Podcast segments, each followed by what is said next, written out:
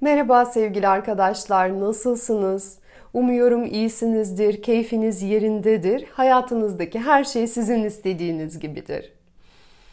Biliyorsunuz bizim bedenimiz aslında çok benzersiz bir şekilde bizimle konuşuyor.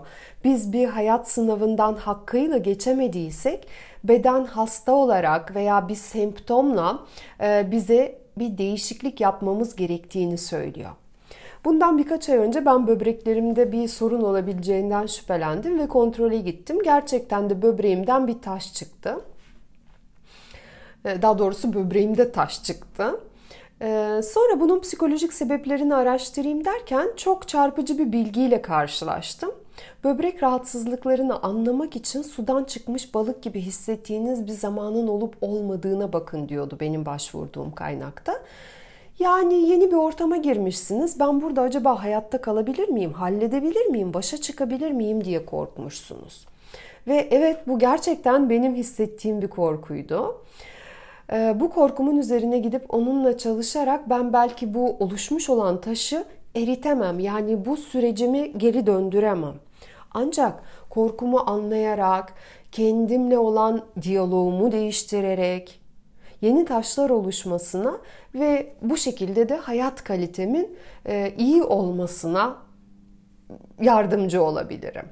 Yıllar yıllar önce de daha 20'li yaşların başında tiroid bezi rahatsızlığım olmuştu. Boğaz bölgesindeki rahatsızlıklar da kendini ifade edememekle ilgili. O zaman da toksik bir ilişkinin içindeydim ve gerçekten ne kendi gerçeğimi ifade ediyordum, ne kendimin arkasında duruyordum. Ve o ilişkiyi bitirdim. Sonrasında bu rahatsızlık kendiliğinden gitti. Hatta doktor da şaşırıp çok binde bir olan bir olay oldu demişti. Tabii o zaman ben psikosomatik rahatsızlık kavramıyla alakalı en ufak bir bilgim yoktu. Yıllar sonra aslında bedenin iç dünyamızda olan bitene tepki verdiğini öğrendiğimde gerçekten de o dönem ve rahatsızlığım çok örtüşmüştü. Şimdi de bu böbrek taşı ve psikolojik durumum yine örtüştü. Ve ben de çok faydalı olabileceğini düşündüğüm bir video serisi hazırlamaya karar verdim. Her bir organımız bizimle nasıl konuşuyor? Bunları anlatmak istiyorum. Ki biz çok aşırı geç olmadan nasıl bedenimizi okuyabiliriz? E, nasıl geri dönülmez hasarlar oluşmasını engelleyebiliriz? Daha kaliteli bir yaşam yaşarız. Bunları anlayabilelim. Öncelikle belirtmeliyim ki benim tıp eğitimim yok. Ben bir doktor değilim ve bu anlattıklarım kesinlikle tıbbi müdahale yerine geçen bilgiler değiller. Eğer bir rahatsızlığınız varsa lütfen önce doktora gidin. Ben de öyle yapıyorum. Ee, doktorun size önereceği tedavi gereklidir. Bu anlatacaklarım bu tedavinin yerine kesinlikle geçmez. Ve ben psikoloji bilimini anlamaya ve onu öğrenmeye çalışan birisiyim. Bu bilgiler semptom ortaya çıkması durumunda psikolojik, duygusal dünyanızda nelere dikkat etmenizin iyi olacağını anlamıza, anlamanıza yarayacak olan bilgiler. Biz insan olarak ruh, beden ve zihinden oluşan bir bütünüz. Doktorlar beden kısmıyla çalışıyorlar. Ben de size psikolojik tarafını anlatmaya çalışacağım.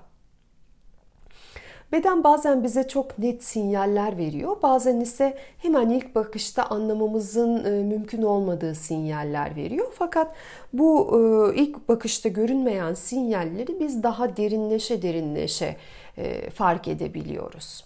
Bu videoda da ben kistlerle başlamak istiyorum. Pek çok kadının şikayetidir kistler. Sıklıkla göğüslerimizde, yumurtalıklarımızda ortaya çıkarlar. Tabi burada sağ yumurtalıkta mı, sol yumurtalıkta mı, sağ göğüste mi, solda mı olmasının önemi var. Hepsi farklı şeyler ifade ediyor. Ancak ben size daha genel hatlarıyla anlatacağım. Peki kist nedir? Kist bizim bedenimizde oluşan bir kapsül. İçinde sıvı birikmiş olabilir, yarı katı bir şeyler birikmiş olabilir. Yani içi e, bir şeyle dolu bir kese olarak bunu düşünebiliriz. İyi huylu olabilir, belli bir boyuta gelene kadar bizim bedenimizde hiç sorun oluşturmadan yaşayabilir. Ancak kötü huylu da olabilir. E, bu profilaktik muayenelerle ortaya çıkar. Ve biz kadınlar hele hele belli bir yaşın üstündeysek senede bir kere veya iki kere jinekoloğa gidip kontrollerimizi yaptırmamız gerekiyor. Bu önerilen bir şey.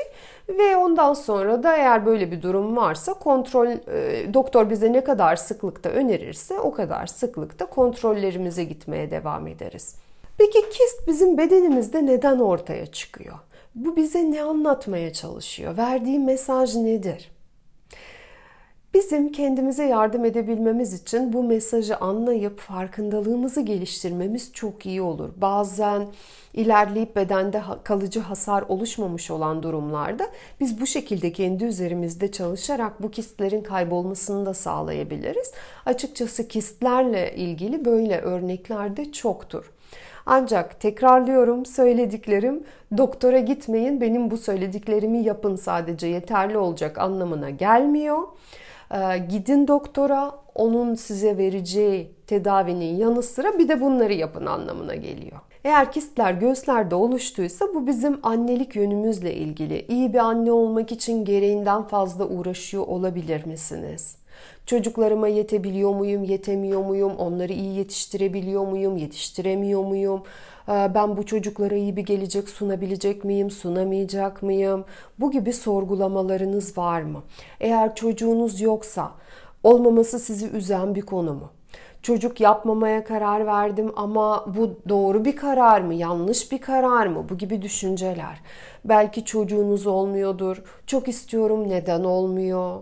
Veya bu kadar tedavi görüyorum neden olmuyor? Bu tarz düşüncelerinize dikkatinizi verebilirsiniz. Veya diğer seçenekte endişelendiğiniz konu çocuğunuzla ilgili olmayabilir ancak annelik duyguları hissettiğiniz başka bir kişiyle ilgili olabilir.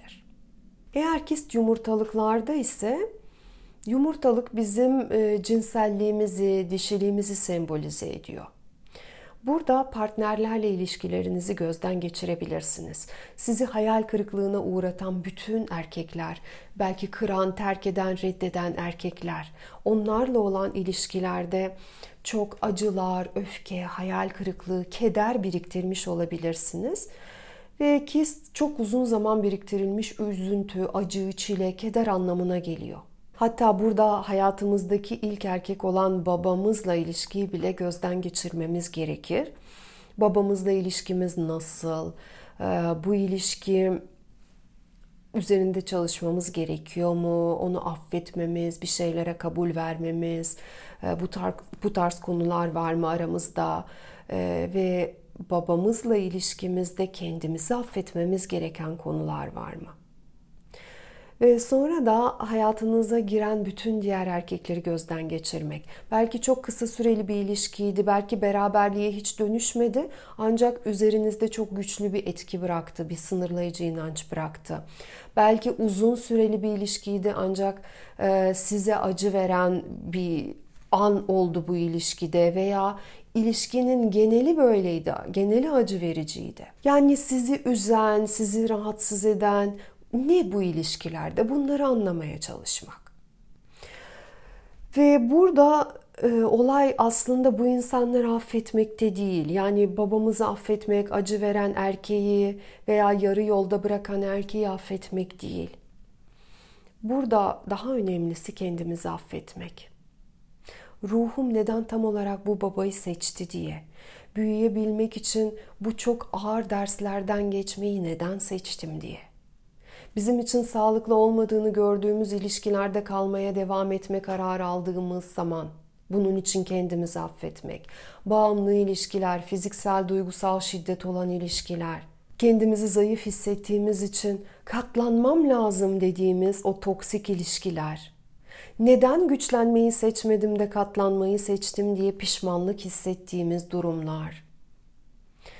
Affetme başkalarıyla ilgili değil en temelde bizim kendimizle ilgili. Kendimizi affetme. Ve kist bize bir hediye. Yeter ki biz onun mesajını anlayabilelim. Ve onun mesajı da egoyla çalışma, kibirle, gururla çalışma, kendini üstün görmekle çalışma.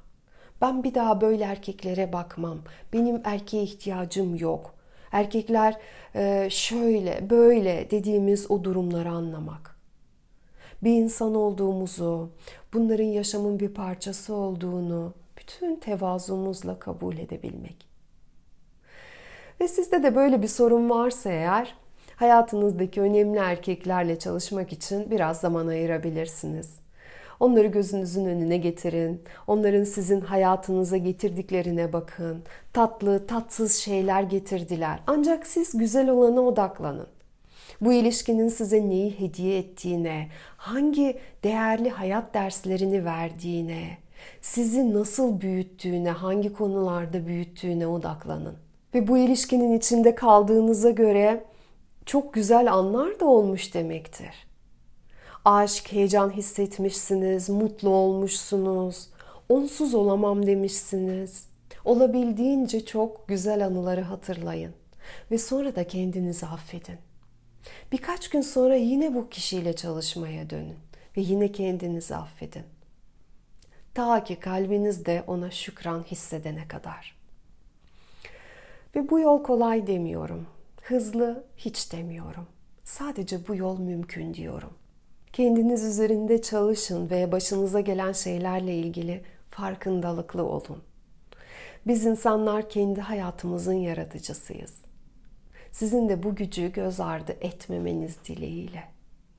Başarılar, hoşçakalın.